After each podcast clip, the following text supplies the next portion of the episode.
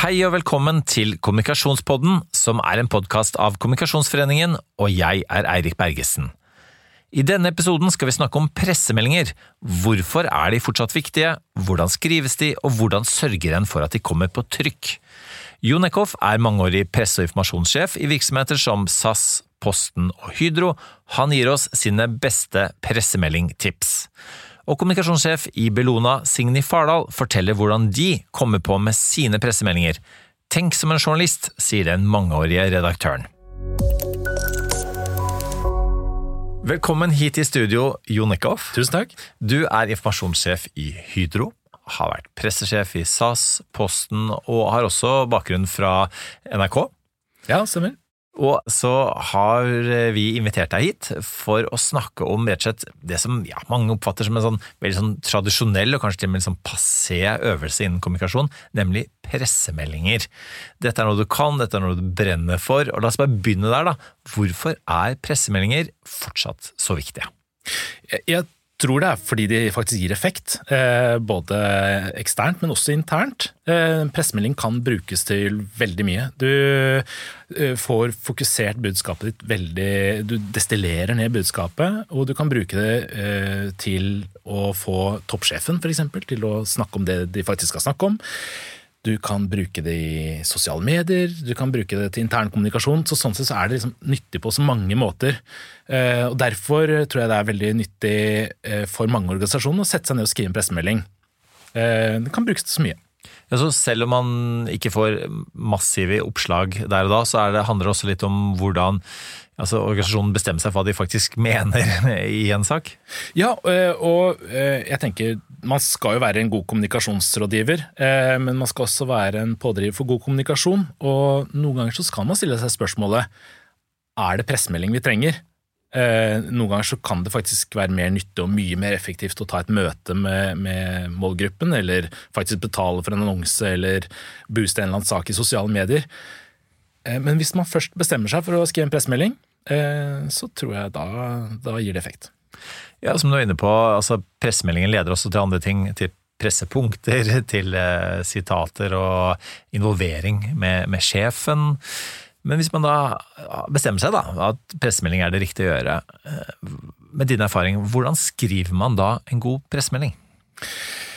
Ja, eh, tror det er egentlig bare å starte litt sånn journalistisk. Eh, det er, handler om en overskrift, det handler om en ingress, det handler om en brødtekst, gjerne med gode mellomtitler. Og så kan du legge inn faktabokser og bilder og kontaktinformasjon. Det er så enkelt og likevel så komplisert.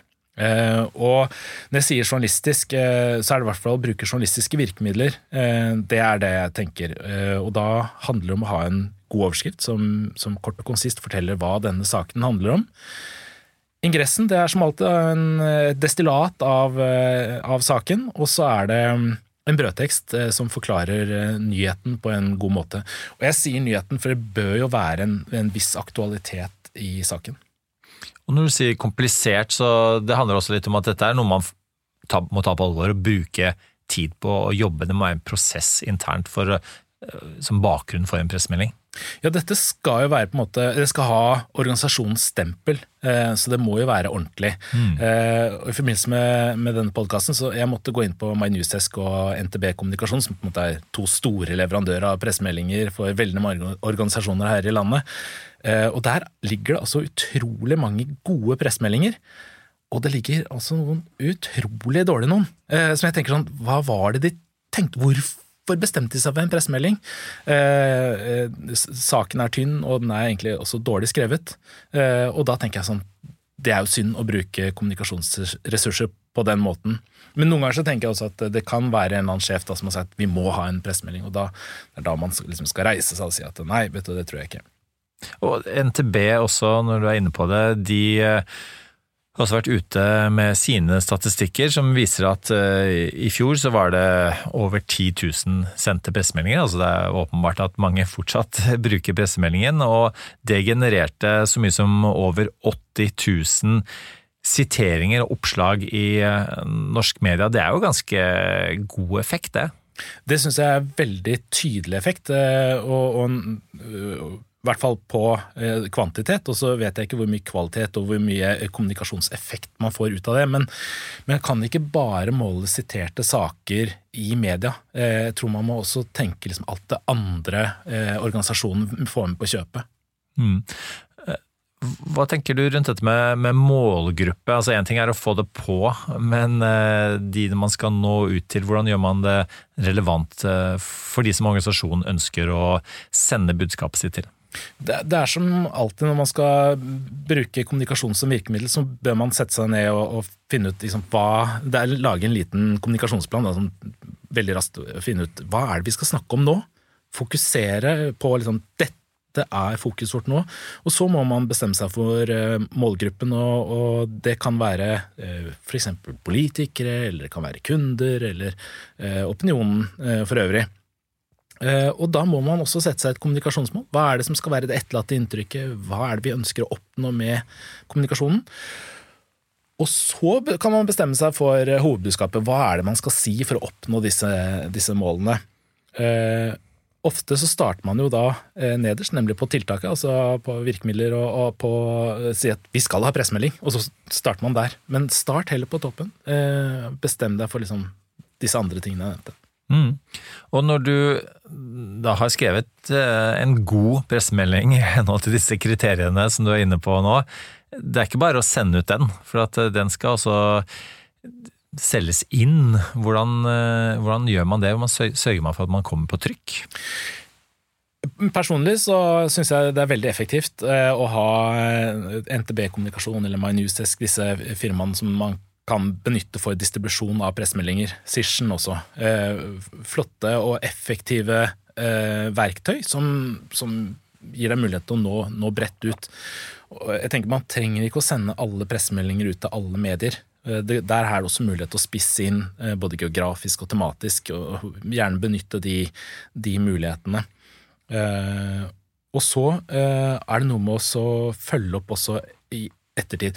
Jeg kan jo nevne også at før man sender, inn, eh, sender, ut en pressemelding, så kan man jo gi den eksklusivt til et medium. Eh, og si at vet du hva, vi har tenkt å publisere denne saken, vi har lyst til å gi deg denne muligheten til å skrive noe større og bredere. Eh, da kan man få ett stort oppslag i ett medium, og så kan man få notiser. For det er ofte det man får av pressemeldinger. I rettferdighetens navn så, så mm. er det mindre saker. Og da kan man få maks uttelling. Både et stort oppslag og, og en del mindre. Hvordan er det hvis man eh, er en litt mindre bedrift versus en litt større, hva er forskjellene der? Jeg, tenker, jeg har jobbet for veldig sterke merkevarer som Posten og, og, SAS, og der er det jo mye lettere å få på saker, tror jeg, da, enn f.eks. Birgers bakeri, som har fått nye vaniljesukker i, i kremen. Altså, det, det, er, det, å ha en sterk merkevare gir eh, naturlig nok større interesse. Eh, Sånn som luftfart, f.eks. Der kan du nesten ikke åpne Du kan jo ikke si noen ting uten at det blir en sak av det. Og det får masse klikk. Det, det vet vi jo. Eh, ja, hva med Birgers bakeri, da? Hva er det de må passe på, som ja, er en mindre aktør? tenker jeg kanskje en plakat i, i døra, eller bruke sosiale medier, eh, oppdatere Facebook-siden. Eller ta kontakt med lokaljournalisten eh, og fortelle om nyheten. Og da er det jo bare å tenke seg hva hva er en nyhet? Og da eh, opererer jo journalistene med type nyhetskriterier, som er eh, konflikt, vesentlighet, identifikasjon, eh, sensasjon eh, ja, og aktualitet. Eh, og, og, disse begrepene kan du bare google så, så, og forholde deg til dem, så skjønner du hvordan en journalist tenker. Dette er jo ikke regler, det er mer som magefølelse for en journalist. Og jo flere av disse punktene du kan hake av for, jo bedre er saken din. Mm. Hvis det virkelig koker i en sak, eh, og man selvsagt skal sende ut pressemeldinger for å informere bredt eh, om det, og gi kontaktpunkter osv., men så er det vel allikevel et behov for å følge opp journalistene direkte?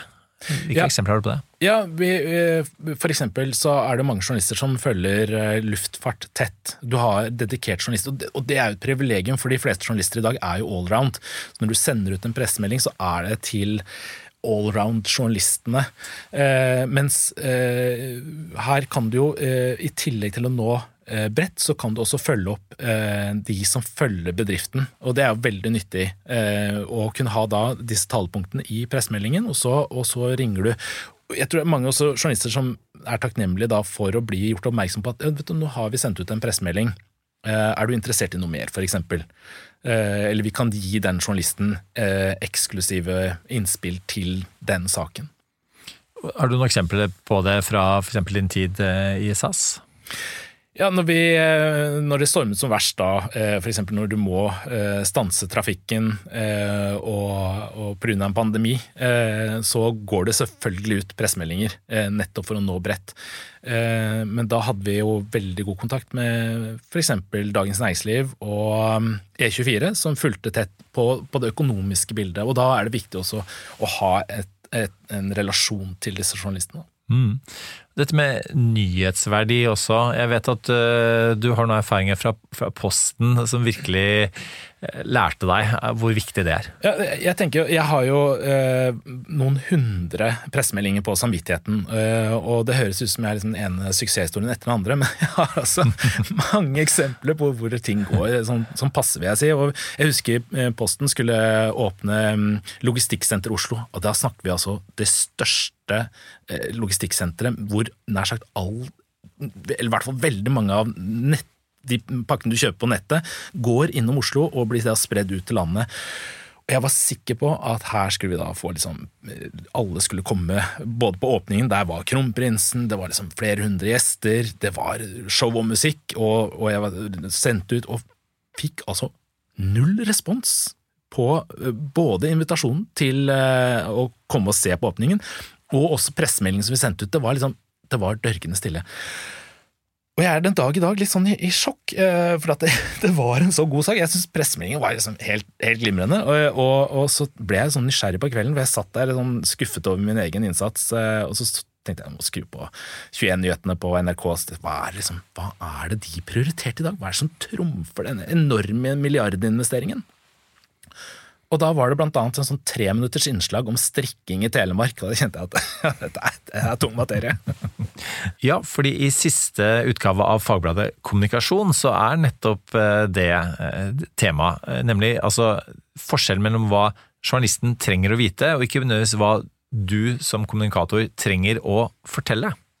Ja, Det er jo veldig interessant. og jeg, tenker virkelig sånn Syretesten eh, på sånne saker er eh, Hadde du virkelig lest denne saken dersom du ikke jobbet i Posten eller SAS eller Hydro eller hvor som helst? Eh, og da må du sette deg selv utenfor arbeidsstedet og interessefeltet ditt. Eh, og hvis svaret på det er ja, dette er interessant, eh, så har du jo suksess. Muligens. Du er ikke garantert suksess. Dette er jo ikke noe, det, det er jo ikke noe fasit eh, som noen sånn suksessformel, men du kommer i hvert fall veldig langt, da. Mm. Jeg skal ikke begynne å forsvare medias prioriteringer. Det er ikke alltid lett selv for en i media å, å kunne gjøre det. Men eh, du har jo også vært i media selv, Jon. og på en måte Den medieintuisjonen du har med deg, eh, hvor, hva betyr det når du skal uh, lage en uh, pressemelding eller en generell kontakt med media? Jeg tror det er veldig viktig å, å ha en viss sånn journalistisk forståelse. Uh, og det er fordi at dette er jo magefølelsevitenskap. Altså, det, det, er jo ikke noen fasit, eller du, du, er ikke garantert suksess på noen måte.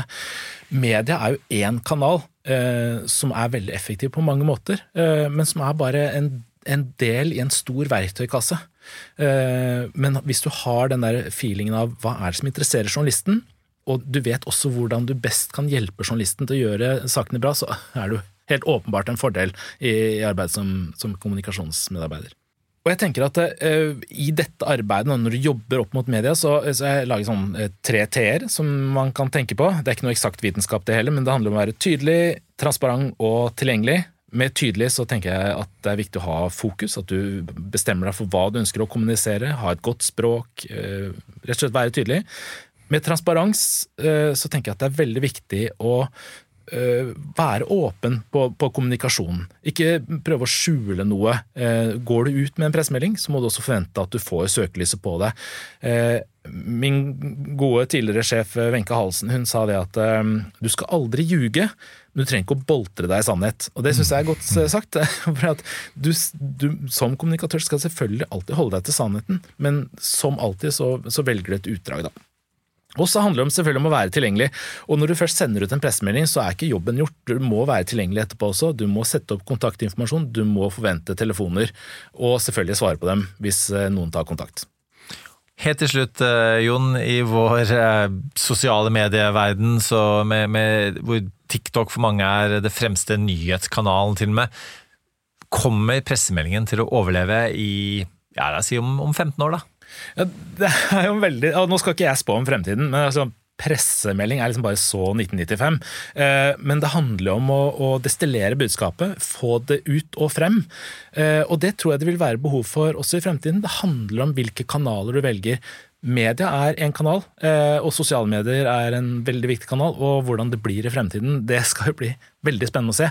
Men at vi som virksomheter og bedrifter skal få ut budskapet vårt, det må vi jo fortsatt. Så en lenke til en eller annen pressemelding det kommer man til å finne enten det er i media eller sosiale medier i mange år fremover. Ja, i mange år fremover, det vil jeg påstå. Men kanskje ikke for alltid. Eh, kanskje en ny form.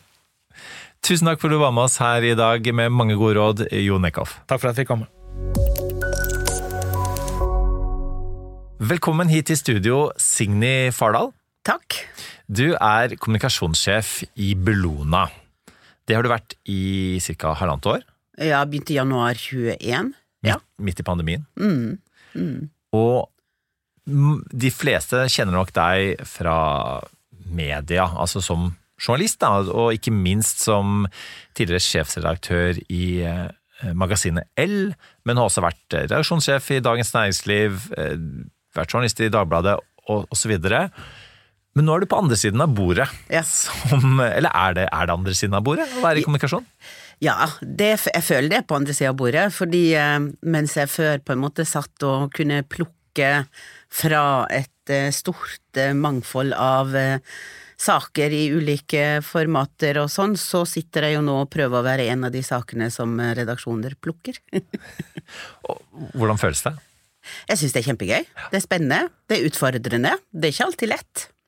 Og det er jo en viktig, profilert sak som dere og mange andre føler haster, nemlig klimasaken. Ja. Altså, eh, hvor personlig er dette for deg? Jeg skal innrømme at uh, når jeg sa opp jobben min i L, så hadde jeg ikke liksom tegna et kart som sa at jeg skulle ende opp i Bellona, men når det tilbudet kom, så følte jeg at det passa veldig godt, fordi jeg møter meg sjøl for 30 år siden på et vis. Jeg var eh, veldig aktiv eh, når jeg var yngre, og jeg hadde lyst til å ha en jobb hvor jeg følte at jeg virkelig var med å, å gjøre en forskjell, da. Så det passer veldig godt til meg, og så lærer jeg masse nytt hver eneste dag, og det er kjempespennende. Du mener at pressemeldinger har en viktig funksjon? Hvordan? Ja, absolutt. Eh, noe av det første jeg gjorde når jeg begynte i Bellona, var jo å gjenopprette eh, kontakten med NTB sin pressemeldingstjeneste. Nå skal jeg ikke drive reklame for akkurat den, men de er jo størst. Eh, og jeg syns det er kjempeviktig. og bruke pressemelding som en måte å kommunisere på. Eh, og jeg ser jo Det er klart at det er en balansegang mellom hvor ofte du sender ut pressemelding, og hva du sender, pressemelding, eh, sender ut pressemelding om. Men at det er et uh, nyttig og bra verktøy for å, hva sier man, komme på, uh, det er ikke jeg i tvil om. Jeg syns pressemelding er viktig, selv om jeg sjøl som journalist og som redaksjonssjef i Dagens Næringsliv ofte så på pressemeldinger med et halvt øye, for alle vil jo ha unike saker, så det man må passe på i en pressemelding, er jo å sørge for at det, opp, altså at det er en åpning for en redaksjon eller en journalist å lage sin egen vri på, den, eh, på det budskapet du sender ut, da. Ja, fordi um, For først uh, ta dette med altså, effektiviteten i en pressemelding. Um, du sa til meg at veldig mange av pressemeldinger da du satt eh, på den andre siden av bordet, det havna i søppelkassa, rett og slett. Ja. Men hvis man treffer, da kan man virkelig få en del oppslag eh, rundt det. Når dere treffer, hvordan, eh, hva er resultatene av det?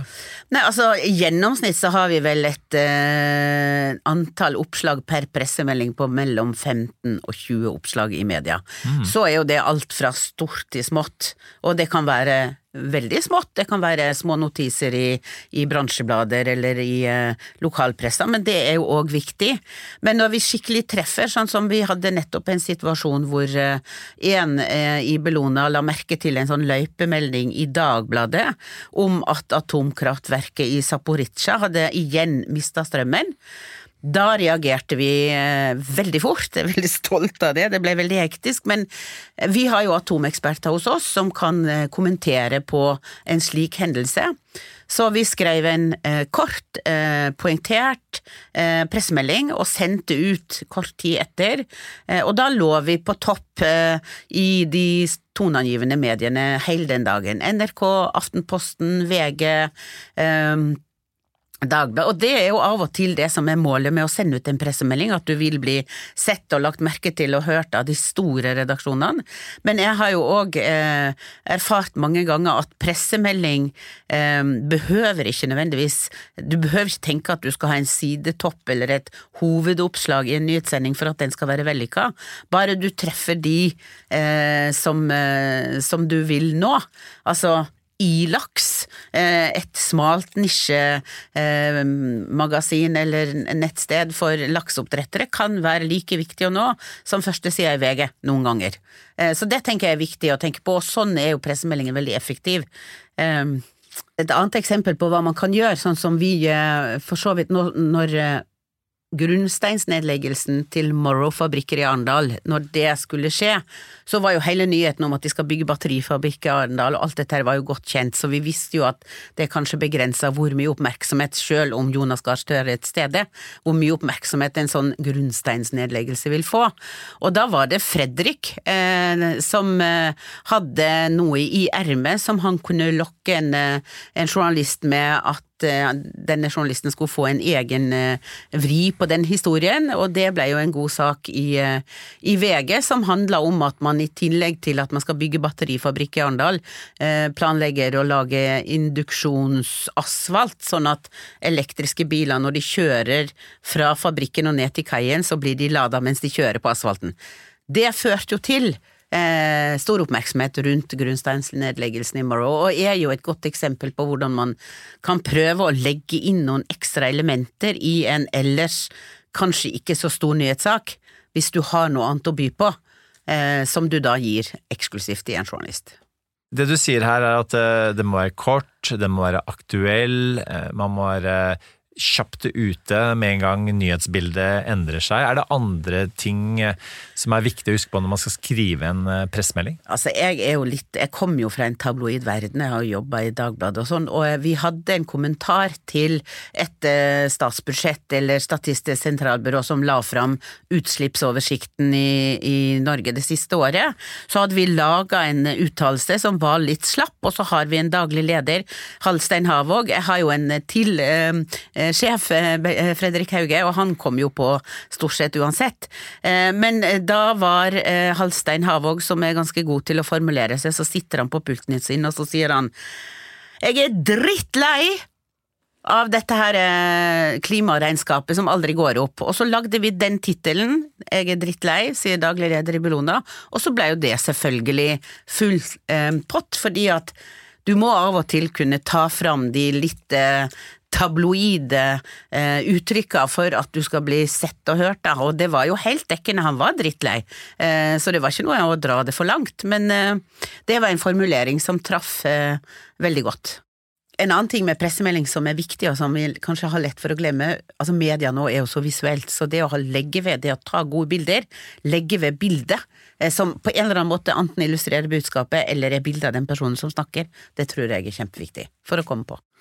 Ja, fordi eh, når vi snakker om klimaregnskap, og det er masse, masse tall og, og, formler, og eh, både vitenskapelig og, og samfunnsøkonomisk osv., eh, som, som det er lett å gå seg litt sånn bort i, men for å komme på så må man gjerne være litt mer personlig. Du nevnte at du har en ganske personlig sjef i, i Fredrik Hauge. Hvordan balanserer dere både hans person, daglig leder sin person, din person, Ja. eh, og, og, og budskapet som kan være egentlig ganske strengt faglig noen ganger. Ja, Godt spørsmål. Nei, altså Fredrik har vært eh, eh, i Bellona i 35 år. Han etablerte jo Bellona for 35 år siden, og har lang og god erfaring med mediehåndtering. Og det er jo dessverre kanskje noen ganger sånn at det er lettere å komme på, det er lettere å bli hørt hvis du, hvis du er en profil. Fredrik Hauge er en profil, så han er aldri vanskelig å få på, og han styrer nesten Han styrer litt seg sjøl, han. Eh, mm, og, og det som han gjør, som jeg tenker er en veldig Som vi gjør òg, det er å prøve å eh, pleie, pleie kontakter. Eh, sørge for å ha eh, god koll på hvilke journalister som dekker de fagområdene som du er opptatt av. Eh, og eh, holde et visst eh, aktivitetsnivå på akkurat de. Eh, og så Det handler jo om å skjønne litt hva media tenker.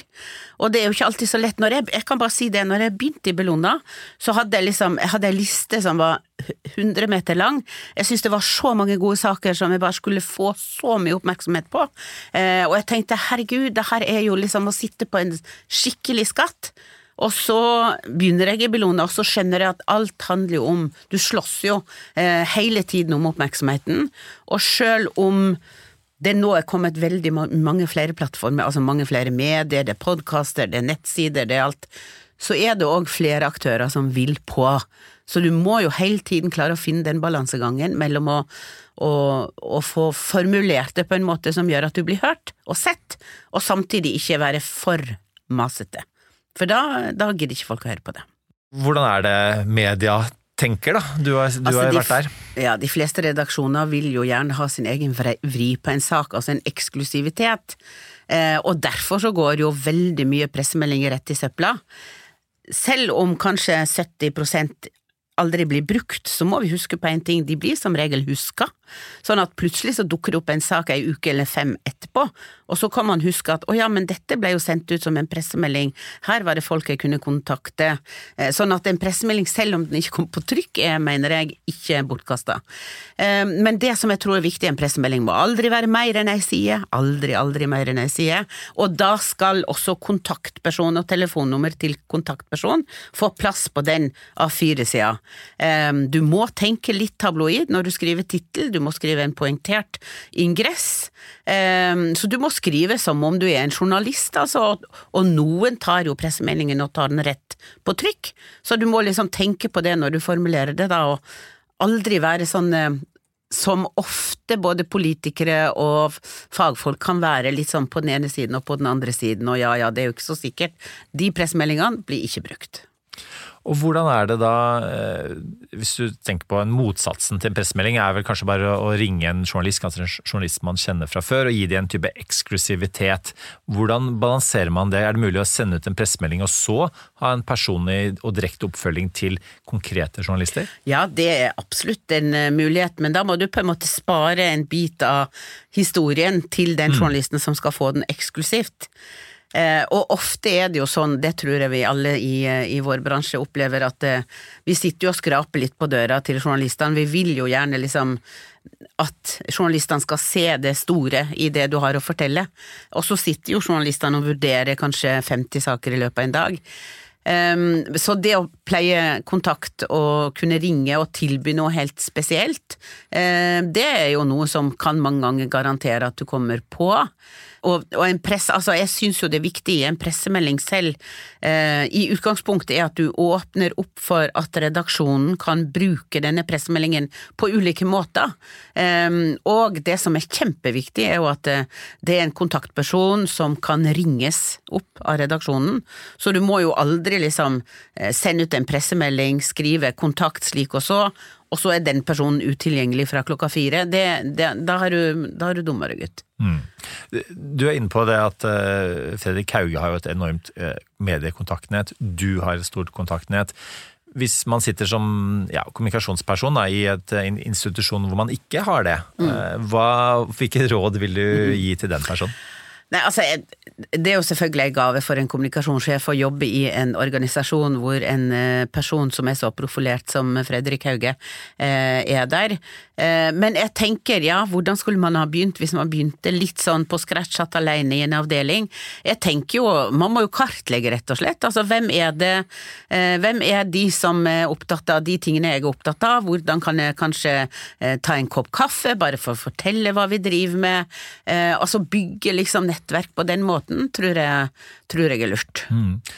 Da Fredrik Hauge startet eh, Bellona i 1986, var det vel, mm. mm. og, og for du også nevnte at du var uh, ung og aktivistisk i din tid, du også, rundt denne saken her, så brukte man jo litt andre type metoder.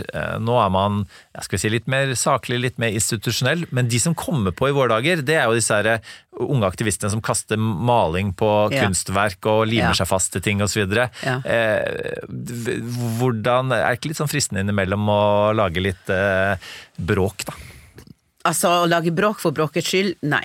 Det tror jeg ikke passer eh, Bellona. Og du veit, miljø- og klimakampen så annerledes ut på 80- og 90-tallet. Da var det snakk om å grave opp gifttønner på eh, ta seg inn på eh, fabrikktomter og boikotte gruve... Altså, det var jo veldig Altså, klima- og miljøkampen så veldig annerledes ut da. Nå jobber vi med mye, nesten sånn teoretiske løsninger. Vi jobber med løsninger på klimaproblemet. og veldig mye av det er jo rett og slett snakk om faglig tunge rapporter som skal til beslutningstakere og næringslivsledere, og som ikke er så lett å kommunisere. Men det som er viktig for oss, tror jeg, å um, kommunisere, er jo at uh, vi må ha fokus på at det finnes løsninger, og at det er et håp, og at vi ikke liksom For å hindre at liksom vi alle går ned i en apati og bare sitter og venter på at Eh, vi skal skyldes eh, på havet i en eller annen flom, eller noe sånt. For vi vet jo at klimaendringene er jo her, og vi må jo gjøre ting. Ja, og nå i november så er det COP 27 i Sharm el Sheikh ja. i Egypt. Eh, og åpenbart, hvis man følger nyhetsbildet, så det, har folk helt andre ting enn klima i tankene. Det er, er, krig, det er økonomisk krise, man er på vei ut av en pandemi. Mm. Og hvordan er det dere kommer på eh, i sånne saker med et budskap som du sier, som, som er, som hvor det haster litt? Rann? Det, jo, det, vil jo bli spennende å se, for det som du sier, om, eh, om to uker så drar vi til Sharm el Sheikh, og i forkant av det har vi planer om å få litt fokus på eh, problematikken. Du har helt rett, vi lever i en tid hvor folk er opptatt av strømpriser mer enn at, eh, at kloden blir varma opp og at barnebarna våre kanskje ikke får det så bra, men jeg tenker at det er jo også en gyllen anledning til å vi, altså, vi har jo nettopp lagt bak oss en pandemi hvor hele verden har vist at det går an å gå i samme retning og ta på munnmasker og gjøre samme ting. Eh, nå kommer akkurat eh, denne COP27 i, i Sharm el Sheikh kommer jo til å handle veldig mye om Afrika, og hvordan den rike verden skal eventuelt bidra med de som faktisk eh, får størst eh, virkninger av klimaendringene, sånn som flommen i Pakistan osv. Helt konkret, Signy, når du og Fredrik og gjengen drar ned til Sharm el Sheikh, hvordan ser mediestrategien ut eh, da? Altså, Vi har jo allerede begynt å tenke, vi lager jo selvfølgelig en kommunikasjonsplan. Vi hadde en stor lansering i Oslo rådhus 10. oktober. Eh, den eh, var eh, supervellykka, og det kom fem-seks journalister, og nesten ingen skrev om det. Det regna vi heller ikke med at de skulle gjøre. Men nå er vi i gang med å kartlegge hvilke journalister skal til Sharm el Sheikh. Vi kommer til å invitere til et sosialt treff i Sharm el Sheikh. Vi, skal, vi jobber med to internasjonale kronikker som skal på trykk, hvor Fredrik Ulrikke medforfatter, sammen med Lois Kvam i Pathfinder, og en Dan Cummin, som er en eh, anerkjent eh, amerikansk eh, professor innen dette området. Så vi, vi, tenker jo internasjonalt, vi er internasjonale. Vi har jo også en gjeng fra Brussel som skal til Sharm el Sheikh. Eh, men så, nå tenker vi, helt konkret, før eh, vi drar til eh, Sharm el Sheikh, skal vi ha på et eller annet sted eh, en eh, antageligvis kronikk som handler om hva er det egentlig som står på spill i Sharm el Sheikh. Så det er det ene. Den skal vi lage. Og så har vi jo plan om eh, selve Sharm el Sheikh når vi er der, for vi får jo ikke tilgang til hovedforhandlingene hele tiden, men vi har jo masse som skal foregå på vår paviljong. Vi har den eneste norske paviljongen inne i den såkalte blå sone. Eh, så der kommer vi til å lage eh, Vi kommer til å bruke Twitter er for eksempel et viktig verktøy, det glemte jeg å si i stad. Pressemelding er ett verktøy, men jeg mener Twitter er egentlig et annet. Eh, for Twitter er det er jo veldig mange som følger med på eh, Twitter, og hvis du hører på typ Dagsnytt 18, så er det jo veldig ofte at noen sitter i studio der fordi de har tvitra et eller annet, eller fordi de har skrevet en kronikk som er også viktig. Sånn at etter at pressemeldingen er sendt ut, hvis du ser at den kanskje ikke helt treffer, så kan du for eksempel bruke Twitter med det budskapet som, som pressemeldingen inneholder, da. Så det kan jo være en ekstra ting, men det kan jo òg stå alene. Altså Twitter tror jeg òg er en, en god kilde for gode saker for oppvakte journalister. Vi har nyhetsbrev, eh, vi kommer til å lage saker og pressemeldinger, men ikke for enhver pris, og ikke nødvendigvis hver dag, for det kommer helt an på hva som skjer. Eh, men ja, jeg håper jo at også norsk media og norsk publikum skal få med seg at Bellona er på COP 27. Det er jeg helt sikker på at eh, de gjør, med så to sterke personligheter eh, i Bellona, i tillegg til et eh, velsmurt maskineri gjennom så mange år. Tusen takk for at du var med oss her i dag, Signe, og lykke til i Egypt. Tusen takk, og tusen takk for at jeg fikk komme. Takk også til deg som hører på. Mitt navn er Erik Bergesen. I redaksjonen har jeg med meg Simone Tafjord, Margrethe Sako, Malin Sundby Revå og redaktør Camilla Lunde. Podkasten er laget med støtte fra Fritt Ord. Vi høres igjen om tre uker. Du har hørt en podkast fra Kommunikasjonsforeningen. Les mer om oss på kommunikasjon.no.